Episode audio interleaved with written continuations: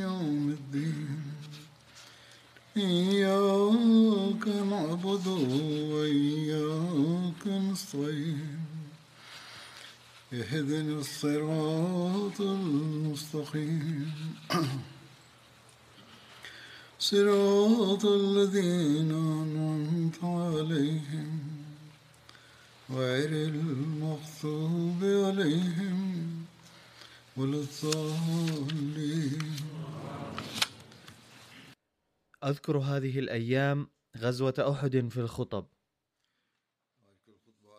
وكنت ذكرت أن المسلمين ألحقوا بالكفار خسائر فادحة في الحرب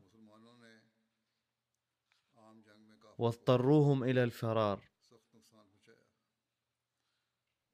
لكن رغم أوامر الرسول صلى الله عليه وسلم المؤكدة عندما أخلت أغلبية المأمورين بحراسة الممر.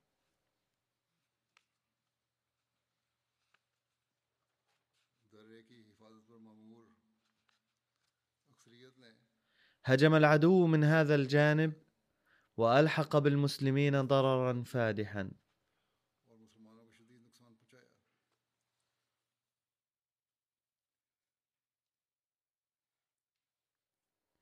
وتفصيله أنه عندما قتل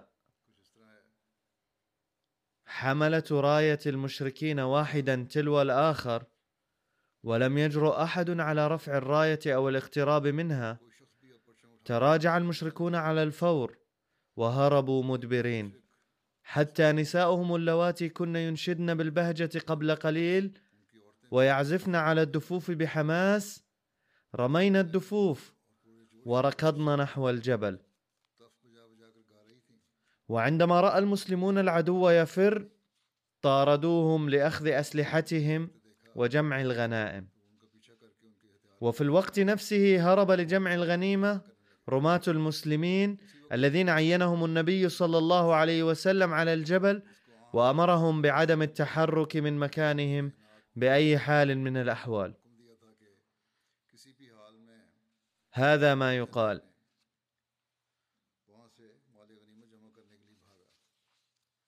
ونهاهم عن ذلك بشدة عبد الله بن جبير رضي الله عنه أميرهم الذي عينه رسول الله صلى الله عليه وسلم وقال قد أمرنا بعدم مغادرة هذا المكان بحال من الأحوال ولكنهم لم يطيعوا وقالوا لقد انهزم المشركون فماذا سنفعل ببقائنا هنا؟ ثم نزلوا من الجبل وبدأوا في جمع الغنائم. ومع أن أكثرهم قد تركوا مكانهم فقد بقي في مكانهم أميرهم عبد الله بن جبير وبعض أصحابه الذين لا يقل عددهم عن عشرة. فقال للنازلين من الممر لا أخالف أمر رسول الله صلى الله عليه وسلم ابدا. قال ذلك أميرهم. أغلب المؤرخين وكتاب السيرة يقولون عند ذكر الصحابة الذين تركوا الممر إنهم استعجلوا في الحصول على الغنيمة. لذا أصروا على أنه ما دام الجميع يجمعون الغنيمة لماذا نتخلف نحن؟ مع أن أميرهم عبد الله بن جبير رضي الله عنه كان يمنعهم قائلا بأن النبي صلى الله عليه وسلم إنما أمرنا بألا نتحرك من هذا المكان مهما حدث لذا يجب أن نبقى هنا. لكن غالبية هؤلاء الناس لم يوافقوا على كلام الأمير ونزلوا من الممر ليجمعوا الغنيمة. وقد كتب هذا أكثر المؤرخين. وقد ورد في كتب الحديث والتفسير عموما أن هؤلاء الصحابة تركوا الممر بسرعة من أجل الغنيمة. والآية 153 من سورة آل عمران تقول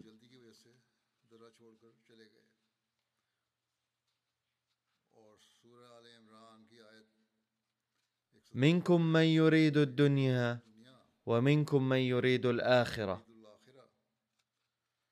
وفي تفسير هذه الآية كتب معظم المفسرين أيضا أن الصحابة أسرعوا في الحصول على الغنائم.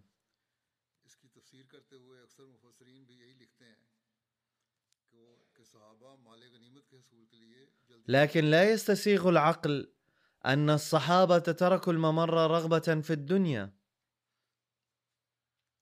لقد كتب حضرة المصلح الموعود رضي الله عنه أيضا ملحوظة تفسيرية حول هذا وهي غير مطبوعة وسوف أذكرها فيما يلي. ولكن دعوني أشرح شيئا قبل ذلك أو أقرأ الآية كلها أولا. الآية كلها هكذا. ولقد صدقكم الله وعده. إذ تحسونهم بإذنه حتى إذا فشلتم وتنازعتم في الأمر وعصيتم من بعد ما أراكم ما تحبون منكم من يريد الدنيا ومنكم من يريد الآخرة. ثم صرفكم عنهم ليبتليكم. ولقد عفا عنكم. والله ذو فضل على المؤمنين.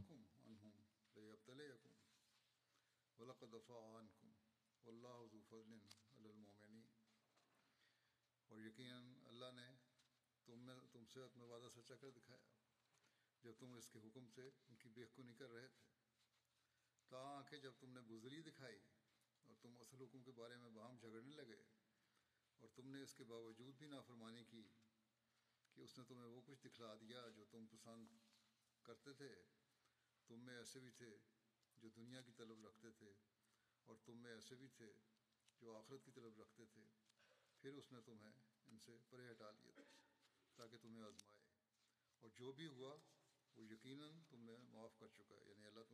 هذه هي الآية التي يحسب في تفسيرها أنها تتحدث عن الغنيمة. وأن هذه الآية تتعلق بهذه الحرب. ولكن القول أو حتى التفكير في الصحابة أنهم كانوا يبتغون الغنيمة إنما ينافي مكانتهم لأنهم كانوا قد افتدوا بأهلهم وأولادهم وحتى حياتهم في سبيل الله الحبيب ورسوله صلى الله عليه وسلم. وقبل ذلك كانوا قد قدموا أموالهم ومواردهم في هذا السبيل رغبة في الشهادة. فكما وردت هذه الواقعات أن الصحابة كانوا يريدون أن يقاتلوا خارج المدينة.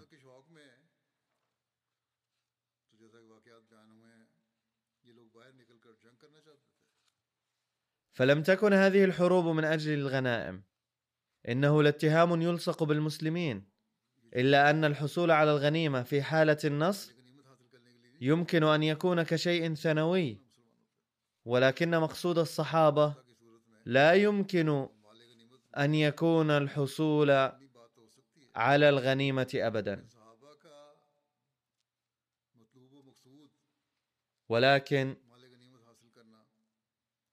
يبدو أن أسلافنا المؤرخين وكتاب السيرة والمحدثين والمفسرين قد أخطأوا عند ذكر تاريخ الإسلام وسيرة الرسول صلى الله عليه وسلم وحياته.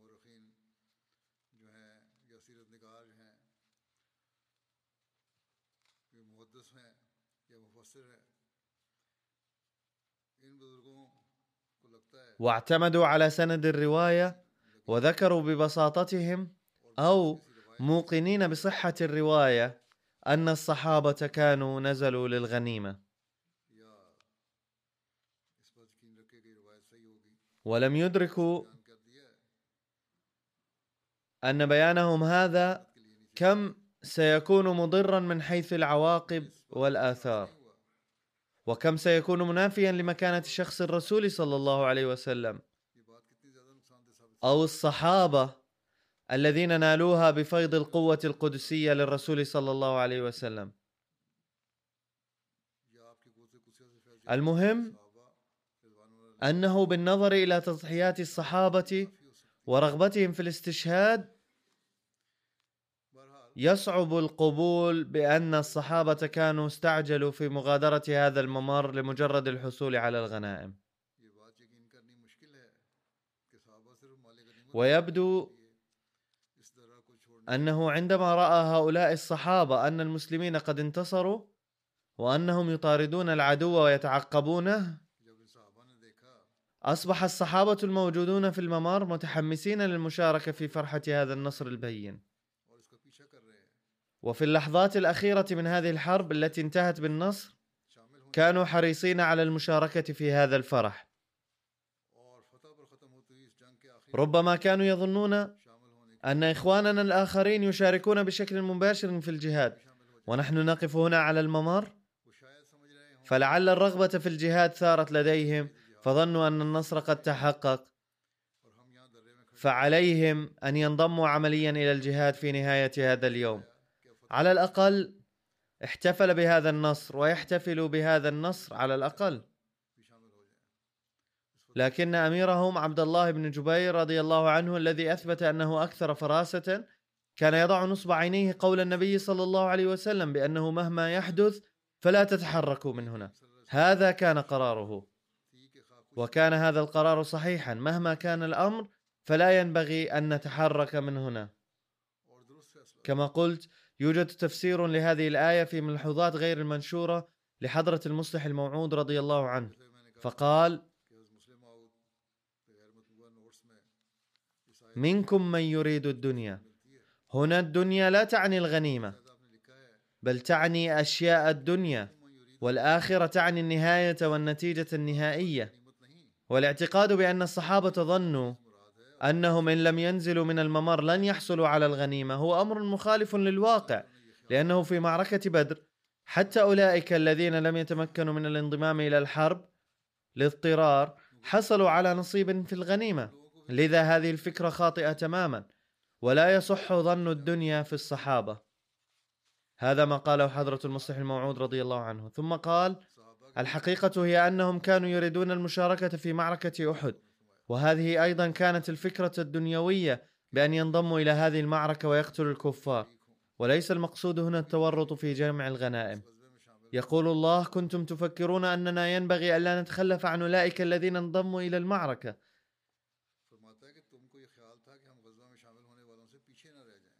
ولكن هذه أيضا فكرة دنيوية لأن القتال وحده ليس بشيء. ومخالفة أمر النبي صلى الله عليه وسلم تجعل الأمر شيئا دنيويا. كان ينبغي عليكم أن تطيعوا الأمر فقط لأن عدم إطاعة أمر النبي صلى الله عليه وسلم حتى لو كان حربا في سبيل الدين وكان قد نهاكم عنه وعينكم في مكان اس فإن الامتثال لهذا الأمر هو الدين في الحقيقة وليس الدين القتال. ثم قال رضي الله عنه ومنكم من يريد الآخرة أي أن أميركم وأصحابه أرادوا الآخرة وأخذوا النهاية والنتيجة في الاعتبار. لقد رأوا أن نتيجة هذا الأمر لن تكون جيدة وكان الأمير ينظر إلى العواقب بعد عصيانهم لأمر رسول الله صلى الله عليه وسلم. وهكذا كان زملاؤه أيضا يحسبونه على الحق. كان الأمير ومن وافقه توصلوا إلى نتيجة مفادها أنهم يعتبرون أمر النبي صلى الله عليه وسلم أهم من الانضمام إلى الحرب. أصبح الأمر واضحا. ولكن على العكس من ذلك كانت عيون الآخرين على السطح. قال المصلح الموعود رضي الله عنه إن هذه المعاني تتناسب مع مكانة الصحابة التي تظهرها أعمالهم وتضحياتهم. وقد ذكر خليفة المسيح الرابع رحمه الله هذه الملحوظة للمصلح الموعود رضي الله عنه. ووضح أن المنازعين للأمير يريدون الدنيا. وأميرهم عبد الله بن جبير كان يريد الآخرة. وذكر الخليفة الرابع أن هذه النقطة قد بينها المصلح الموعود رضي الله عنه في ملحوظاته. وهي نقطة جيدة.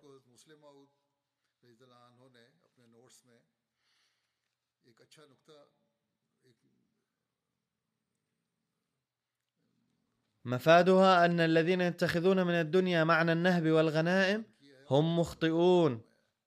كان هؤلاء الصحابة ينظرون إلى النصر المؤقت والمراد بالدنيا هنا هو أنهم كانوا ينظرون إلى الأمر الذي ظهر أولاً. أي الحرب الذي انتصر فيها المسلمون. وكان عبد الله بن جبير رضي الله عنه ينظر إلى الآخرة فكان يرى النصر الأعظم في رضا النبي صلى الله عليه وسلم. لذا كان يريد أن يرضى عنه الله ومحمد رسول الله صلى الله عليه وسلم في النهاية. وهذه الأشياء المؤقتة المرئية لا معنى لها على الإطلاق ولا حقيقة لها. الخير الحقيقي هو كسب رضوانهما. ووضح حضرة الخليفة الرابع مزيدا وقال يقول حضرة المصلح الموعود رضي الله عنه لا علاقة لهذا النقاش هنا أن بعضهم كان يرغب في الدنيا والآخر في الآخرة لأن الحقيقة هي أن هذه الدنيا كانت صغيرة جدا. هذا يبدو غريبا. ثم وضح أن الذين كانوا مسؤولين عن حراسة الممر لابد أنهم فروا من الممر وحتى يصلوا يكون قد انقسم كل شيء. لماذا لا يفكرون أنهم كانوا في عجلة من أمرهم لكي ينضموا إلى إخوتهم هناك؟ كما قال الله في القرآن الكريم أن أحسنوا الظن بإخوتكم. لذا فهم ذهبوا هناك ظانين أن الجميع يعزفون أغاني النصر ويفرحون ويقفون بالقرب من رسول الله صلى الله عليه وسلم ويهنئون بعضهم البعض. فلماذا نتخلف عن هذا المشهد؟ وهذا يحدث كثيرا ويتطابق مع الفطرة الإنسانية أنه حيثما يكون احتفال أو فرح يهرع الجميع إلى هناك. يقول الخليفة الرابع رحمه الله خلال إقامتنا هنا قد رأينا مرات عديدة أنه إذا كان هناك خبر سار فيأتي الناس إلى هنا للمشاركة في الفرح. ولا يأتون إلى هنا لنهب أي غنيمة. لذا كان هؤلاء الصحابة يرون أن الآخرين يستمتعون كثيرا هناك أو حيث كان النبي صلى الله عليه وسلم. الجميع يستمتعون معا حول النبي صلى الله عليه وسلم إذ قد تحقق وعد الله ونحن نقف هنا وحدنا. سنذهب نحن أيضا إلى هناك. ولكن عبد الله بن جبير رضي الله عنه كان ينظر إلى الآخرة فكان يرى أن هذا الوقت البقاء على جانب واحد من أجل رسول الله صلى الله عليه وسلم وطاعة أمره هو أكثر سعادة من الاشتراك في ذلك الفرح. وهذه المتعة في الحقيقة مختلفة عن ذلك الفرح. من ناحية عندما كان جيش الكفار يدير ظهره بعد هزيمة النكراء ومن ناحية أخرى ترك حوالي أربعين من المجاهدين الخمسين المتمركزين عند الممر الجبلي مكانهم ونزلوا. ففي ذلك الوقت رأى خالد بن الوليد أن الممر الذي كان عليه خمسون راميا قد خلا.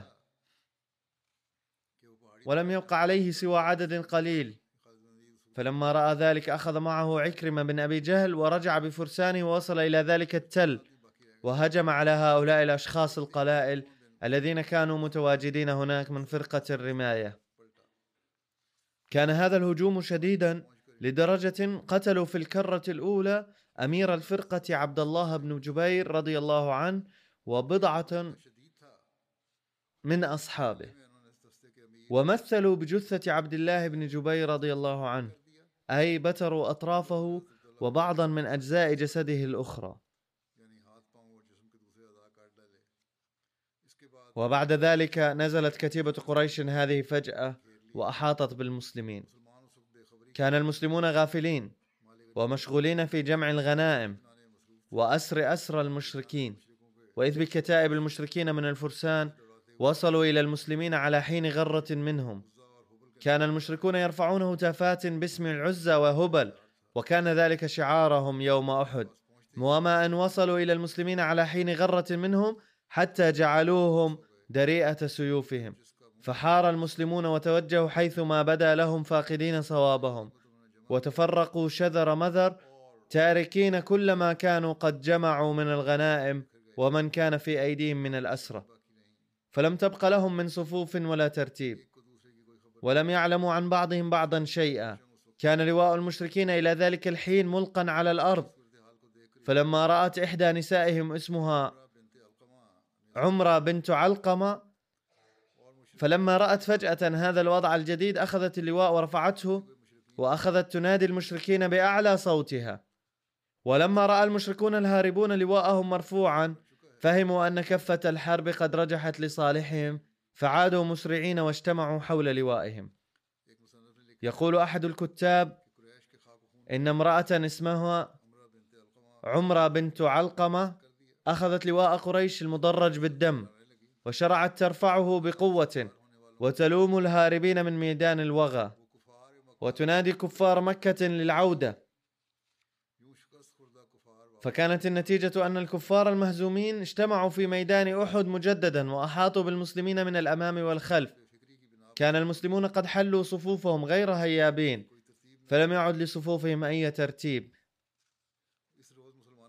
ففي هذا اليوم قتل عدد لا بأس فيه من المسلمين. وقد تحول الفتح الذي نالوه من قبل إلى الهزيمة. يقول كاتب آخر وهو يصور هذا المشهد لقد فقد المسلمون تنظيمهم بعد خطأ ارتكبه الرماة وشرعوا يقتلون بعضهم بعضا فاقدين صوابهم. وكان كثير منهم حائرين لا يعرفون إلى ما يتوجهون ولا سيما بعد أن أعلن مناد منهم أن محمد صلى الله عليه وسلم قد قتل. هذا كان ابتلاء شديد الوطأة حيث قتل بسببه كثير من المسلمين على يد إخوانهم المسلمين دون قصد منهم.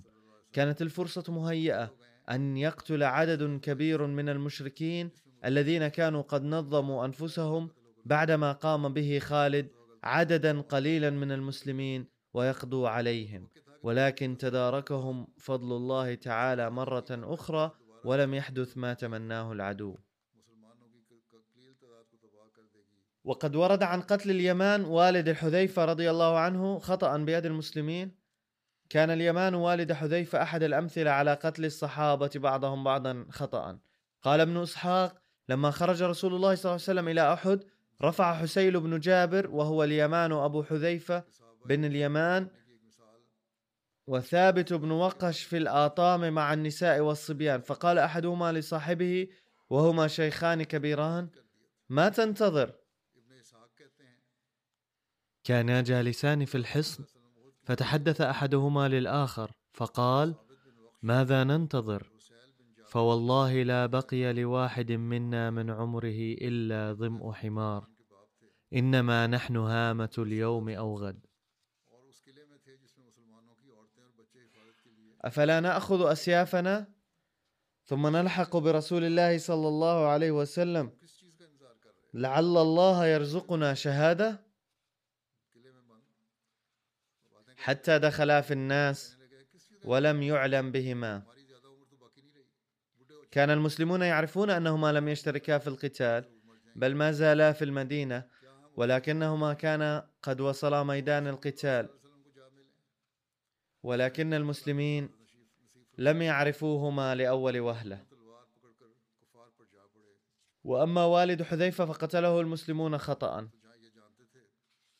فقال حذيفة هذا المقتول هو أبي.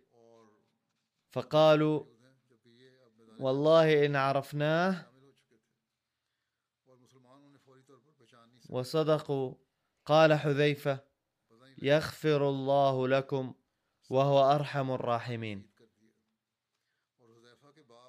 فأراد رسول الله صلى الله عليه وسلم أن يعطي حذيفة دية أبيه المقتول. ولكن تصدق حذيفة بديته على المسلمين وعفى عنهم. فزاده ذلك عند رسول الله صلى الله عليه وسلم وعند المسلمين خيرا.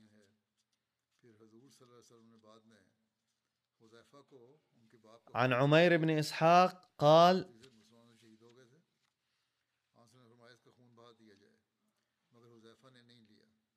كان حمزة بن عبد المطلب يقاتل بين يدي رسول الله صلى الله عليه وسلم يوم أحد بسيفين ويقول أنا أسد الله وجعل يقبل ويدبر.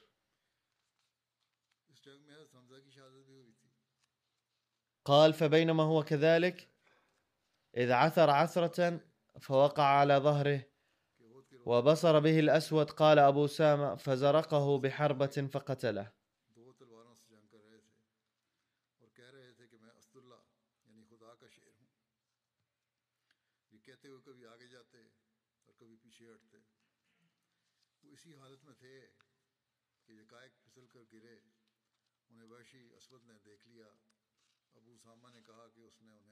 وكتب حضرة مرزا بشير أحمد رضي الله عنه في بيان ذلك ما يلي كان حمزة رضي الله عنه عما للنبي صلى الله عليه وسلم وأخوه أيضا من الرضاعة قاتل بشجاعة عظيمة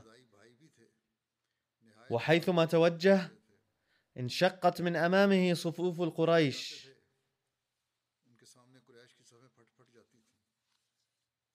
كان العدو أيضا بالمرصاد له كان جبير بن مطعم حضر القتال مع عبده الحبشي. اسمه وحشي بوجه خاص واعدا إياه بعتقه إن قتل حمزة انتقاما كما قتل حمزة الذي قتل طعيمة بن عدي عم جبير يوم بدر.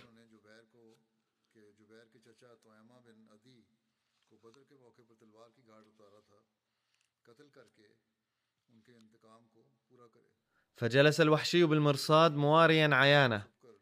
ولما مر حمزة من هنالك هاجما على شخص رماه وحشي تحت سرته برمح نفذ جسمه. سقط حمزة بشدة ولكنه تمالك نفسه ونهض بعد قليل وأراد أن يقفز إلى وحشي ولكنه سقط مرة أخرى ولفظ أنفاسه وهكذا انكسر عمود قوي لجيش المسلمين. ولما بلغ النبي صلى الله عليه وسلم مقتل حمزة حزن حزنا شديدا. وقد جاء في رواية ما مفاده أنه عندما جاء قاتل حمزة رضي الله عنه أمام النبي صلى الله عليه وسلم بعد غزوة الطائف عفى صلى الله عليه وسلم عنه ولكنه قال احتراما لحبه لحمزة لا ترني وجهك عندها عقد الوحشي عزما أنه لن يهدا ما لم يقتل عدوا كبيرا للإسلام باليد التي قتل بها عم رسول الله صلى الله عليه وسلم. علما أنه كان مسلما حين ذاك وتغيرت أفكارهم. ففي حرب اليمامة في عهد سيدنا أبي بكر رضي الله عنه أوفى وحشي بعهده بقتل مدعي النبوة الكاذبة مسيلم الكذاب.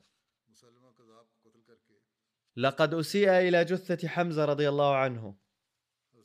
وقد جاء في رواية أن هندا زوجة أبي سفيان جاءت يوم أحد مع الجيش وكانت قد نذرت أنها ستمضغ إن وجدت فرصة كبد حمزة انتقاما لأن أباها قتل على يده يوم بدر.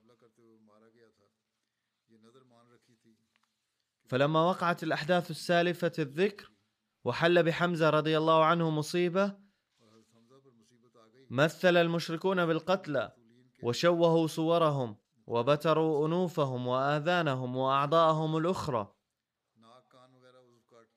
فجاءوا بجزء من كبد حمزة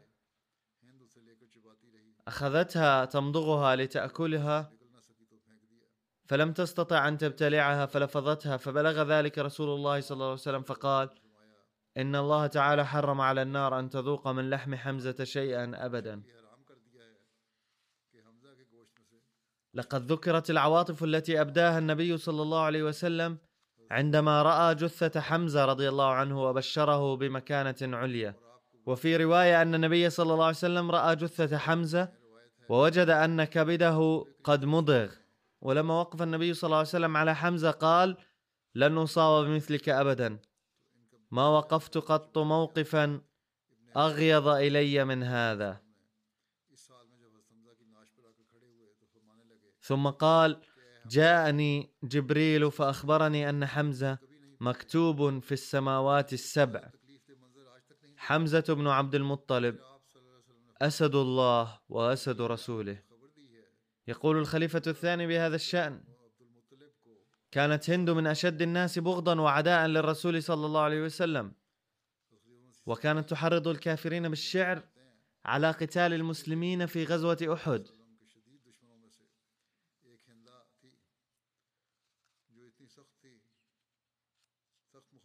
ولما أصيب المسلمون بنكسة مؤقتة في القتال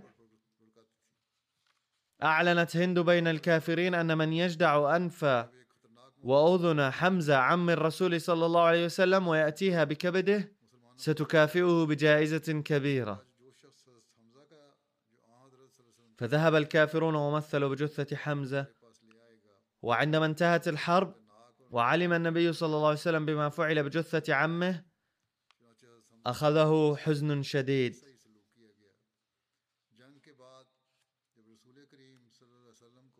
فحلف أنه سيفعل بجثث الأعداء بمثل ما فعلوا بجثة عمه.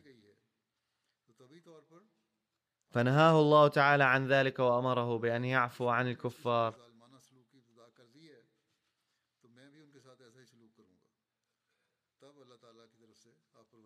ويصفح عنهم رغم كل ما فعلوه.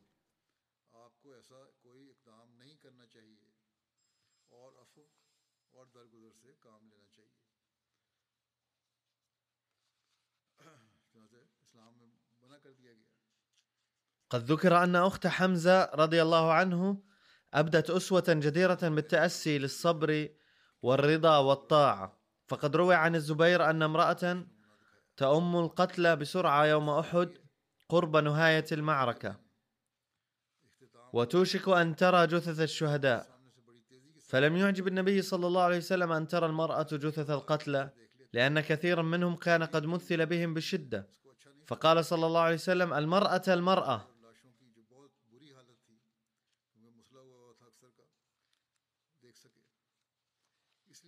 يقول الزبير فتوسمتها فإذا هي والدتي صفية فهرعت إليها ووصلت إليها قبل أن تصل إلى جثث الشهداء فضربت بيدها على صدري ودفعتني وكانت امرأة قوية وقالت لن أستمع إليك فابتعد عني. قلت لها إن رسول الله صلى الله عليه وسلم يعزم عليك ألا تري الجثث. فتوقفت فورا وأخرجت ثوبين وقالت لي أحضرتهما لأخي حمزة لأني علمت بشهادته فكفنوه بهما. أي لم تطع في ذلك ابنها بل دفعته إلى الوراء ولكن عندما سمعت أن النبي صلى الله عليه وسلم أمرها بذلك توقفت فورا طاعة له صلى الله عليه وسلم. وقالت قل للنبي صلى الله عليه وسلم وفي رواية قالت صفية علمت أن أخي قد مثل به الكفار ولا أريد إلا أن أراه وأعد أنني سأصبر وأحتسب ولن أرفع النواح والعويل. فذكر الزبير ذلك للنبي صلى الله عليه وسلم فقال دعوها تتقدم وترى جثة أخيها.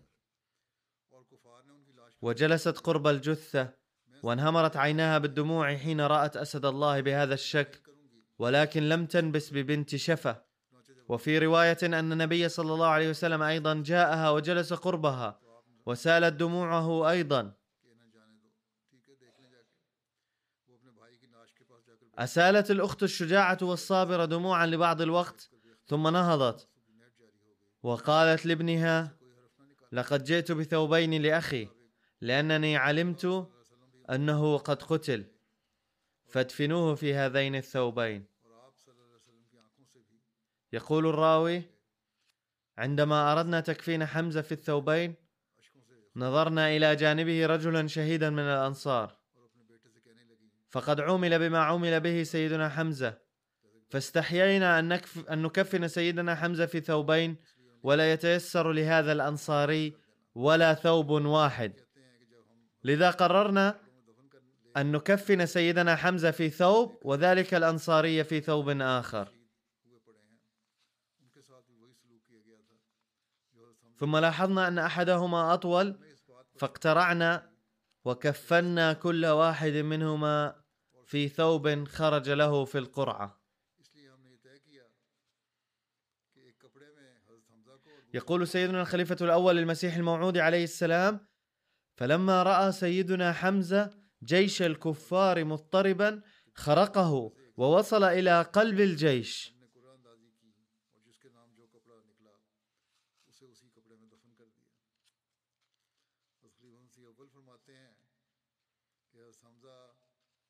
فكان المسلمون قد انتصروا لكن أصحاب سيدنا عبد الله بن جبير نزلوا من الجبل متجاهلين أوامر النبي صلى الله عليه وسلم وأملا في الغنائم. فلما رأى العدو الجبهة فارغة جمع الفرسان وانقض على الجيش الإسلامي من عقبه. فحصل قتال عظيم واستشهد سيدنا فوج اسلام وعبد الله بن جبير وأصيب سيدنا علي وسيدنا عمر وسيدنا الصديق رضي الله عنه بالجروح. وهند بنت عتبة وزوجة أبي سفيان شقت كبد الأمير حمزة ومضغته وقطعت آذان القتلى المسلمين وأنوفهم. وغيرها من الأعضاء فجعلت منها عقدا ولبست. فحين رأى المسلمون هذه الإساءة إلى جثث المسلمين استشاطوا غضبا. حتى أصابت النبي رقة وغضب شديدين وقال إذا انتصرتم فافعلوا أنتم أيضا مع جثث الكفار هكذا. ثم رأى عمه العزيز الأمير حمزة الذي كان فدا له لأمثلن بسبعين منهم مكانك. چنانچہ اپنے عزیز جان اپنے عزیز جان نثار چچا امیر حمزہ کو دیکھ کر فرمایا مسلنا بے کا یعنی تیرے عوض میں ان کے لكن رحمته الفطرية وليونته الجبلية غلبت الخصلة البشرية واستنزلت الآية. وإن عاقبتم فعاقبوا بمثل ما عوقبتم به. ولئن صبرتم لهو خير للصابرين.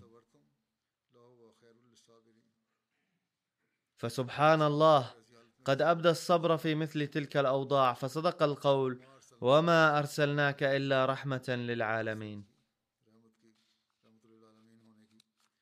ففي ذلك اليوم حرمت نهائيا العادة القبيحة الجارية في كل الأمم القديمة أي التمثيل بالجثث. وكان ذلك من مفخرة الإسلام وحده. في هذه الحرب أصابت المسلمين صدمة عنيفة إذ جاء هذا البلاء نتيجة خطأ الجنود مع عبد الله بن جبير. وفي الوقت نفسه حصلت فائدة عظيمة أيضا إذ قد تبين جليا نفاق المنافقين وبغض اليهود وعنادهم وتميز المسلمون الصادقون.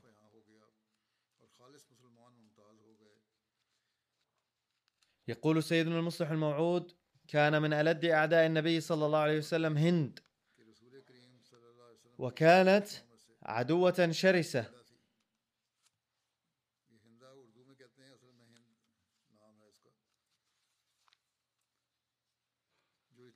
حيث كانت في غزوة أحد تولد الحماس في قلوب الناس بإنشاد الأبيات. وتقول اذهبوا وهاجموا الجيش الإسلامي. وحين واجه الجيش الإسلامي وضعا خطرا قالت من جاءني بكبد حمزة عم النبي صلى الله عليه وسلم وأذنيه وأنفه فسأقدم له الجائزة.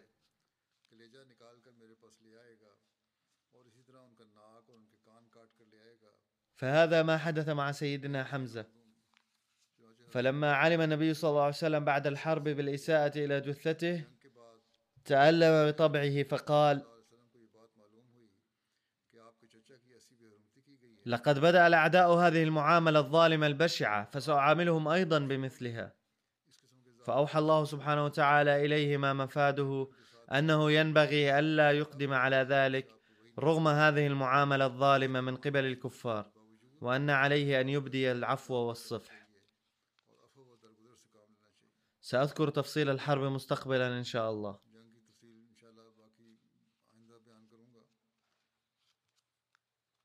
منذ فترة أطلب منكم الدعاء للفلسطينيين. فادعوا الله سبحانه وتعالى أن يوفق العالم للسعي الحقيقي لمنع الظلم.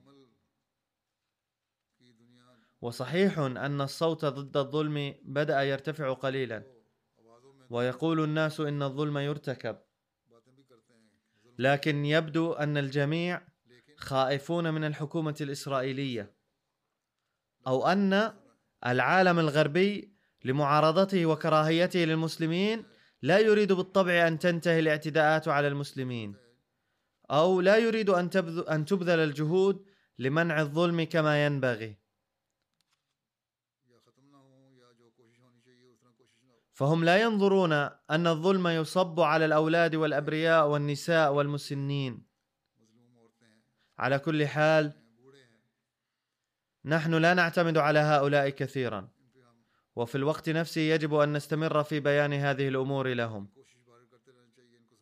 كما يجب أن لا ننقطع عن الدعاء أيضا أن يوفق الدول الإسلامية أن يخلقوا القوة في صوتهم ويرفعوا الصوت ضد هذا الظلم متحدين ويسعوا لإنهائه.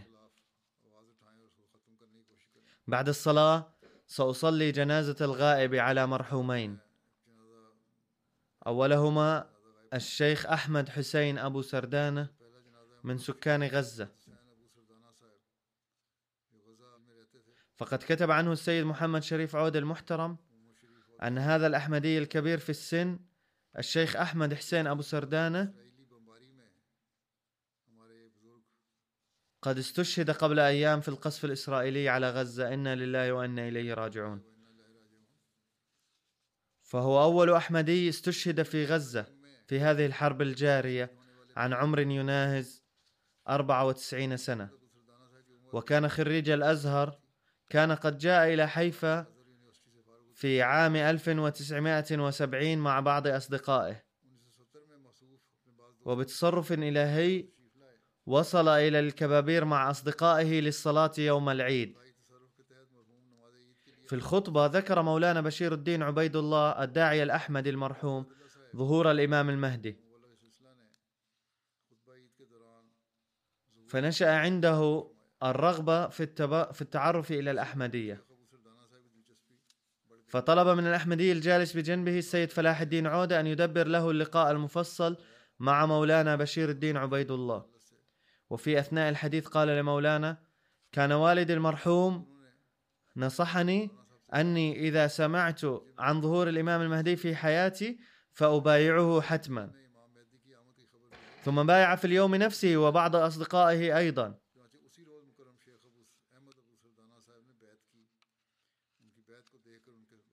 كان المرحوم عالما محترما محبوبا في منطقته.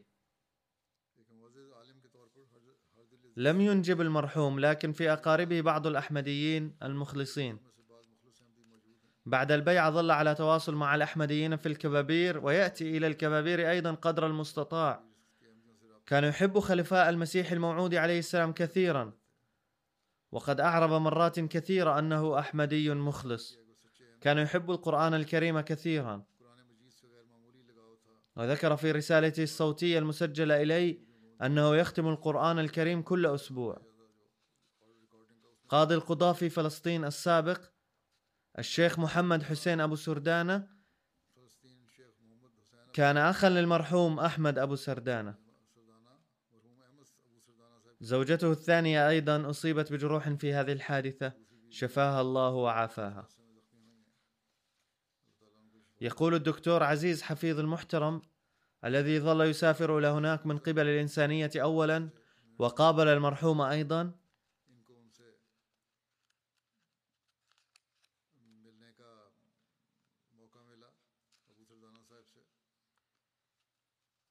عندما ذهبت إليه للزيارة أراد أن ينهض احتراما لي. فقلت له أن يبقى جالسا. فثارت عواطفه. ولامسني بعصاه بلطف وقال أن لي أن أبقى جالسا وأنت تقوم أمامي بصفتك ممثلا لخليفة المسيح. فكان يكرم ويحترم الخلافة كثيرا. ثم أمسك بيدي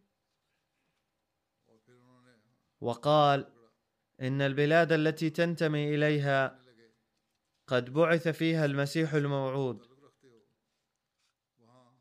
فلما لاحظت حبه العظيم لسيدنا المسيح الموعود عليه السلام وخلفائه دمعت عيناي أيضا. ثم سجل رسالة لي بجواله وأرسلها إلي عن طريق الدكتور. وأنا أقرأ عليكم جزءا منها فقال.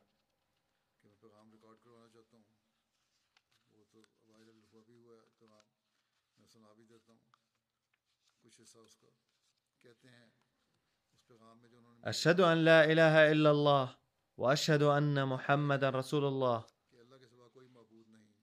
السلام عليك يا خليفة المسيح الخامس السلام علیکم السلام علیکم أنا في كل أسبوع أختم القرآن يا مولاي. وعندما أكون في صلاة الفجر أدعو لك. الحقني يا سيدي. وانصرني يا خليفتي. أنا أعيش في ضيق وفي كرب روحاني.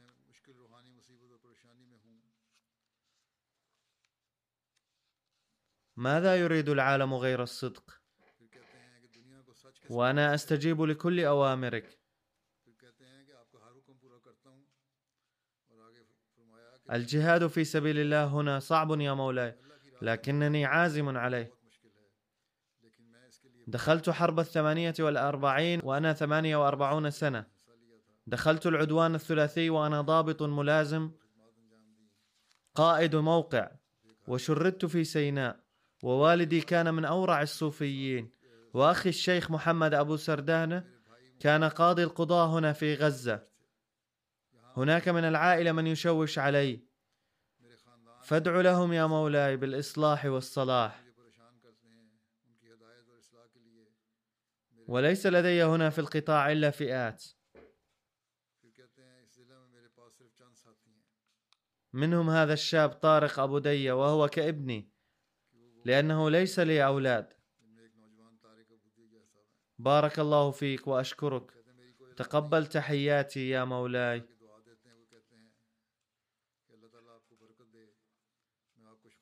وأنا أبايعك إلى يوم الدين إلى يوم أن ألقى الله.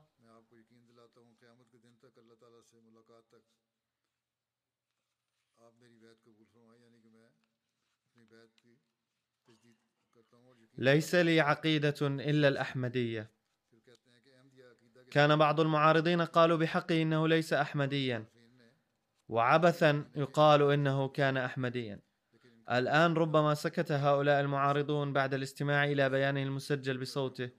رفع الله درجاته وشفى زوجته. تقبل الله أدعيته للفلسطينيين. وأرسى هناك دعائم الأمن. ووفقهم للإيمان بالمسيح الموعود عليه السلام. الجنازة الثانية للسيد عثمان أحمد غاكوريا من كينيا. فقد توفي في الآونة الأخيرة. إنا لله وإنا إليه راجعون.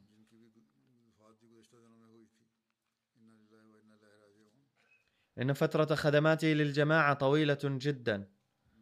فهي ممتدة على عقود. كان من مواليد 1932 وفي الستينات تعرف إلى الأحمدية عن طريق أحمدي عربي كبير. السيد سالم عفير المرحوم. وبعده بايع بدعوة الداعية الأحمدي مولانا المكرم روشن دين في 1964 وانضم إلى الجماعة. وإلى آخر حياته وفى بعهد البيعة بروعة. كان منسلكا في سلك التعليم وبعد تحرير كينيا عين أول عميد محلي لمدرسة التكنولوجيا كوالي بن. كما عين أول عميد محلي لكلية التكنولوجيا.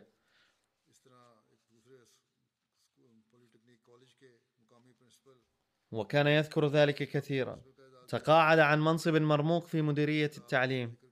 فقد تشرف بترجمة عدة كتب للجماعة إلى اللغة السواحلية وكان من شرفه أنه كان أول رئيس محلي للجماعة في نيروبي. كما كان يعد من أوائل الموصين المحليين في كينيا. كان المرحوم يملك عدة خصال حميدة وكان رجل مبادئ فقد ظل يداوم على قيام الليل إلى أواخر حياته. لم يتهاون أن يتكاسل قط في أداء التبرعات وكان يكن للدعاة المركزيين احتراما كبيرا. وكلما رأى أي أحمدي يتكلم ضد أي داعية مركزي أو يشتكيه نهاه فورا. وأبدى عتابا وكراهية شديدة. وكان دوما ينصح الإخوة قائلا إذا كنتم تتمتعون اليوم بنور الإيمان فبفضل هؤلاء الدعاة حصرا وبواسطتهم وفقتم للإيمان بالمسيح الموعود عليه السلام وإلا كنتم واقعين في الجهل. فمنة هؤلاء عليكم وعلى أجيالكم المقبلة. فلا تتكلموا هكذا. باختصار هذا كان من أخلاقه. وعلى دعاة الجدد الذين يرسلون إلى هذه البلاد أن يقيموا أرفع معايير الصلاح والتقوى ويصبحوا قدوة للأحمديين المحليين. كان المرحوم مضيافا أيضا. أولاده كلهم أحمديون ملتزمون ويوفقون لخدمة الجماعة بشكل أو آخر. أحد أبنائه السيد عبد العزيز جاكوريا المحترم رئيس مجلس أنصار الله في كينيا. تغمده الله بواسع رحمته وغفر له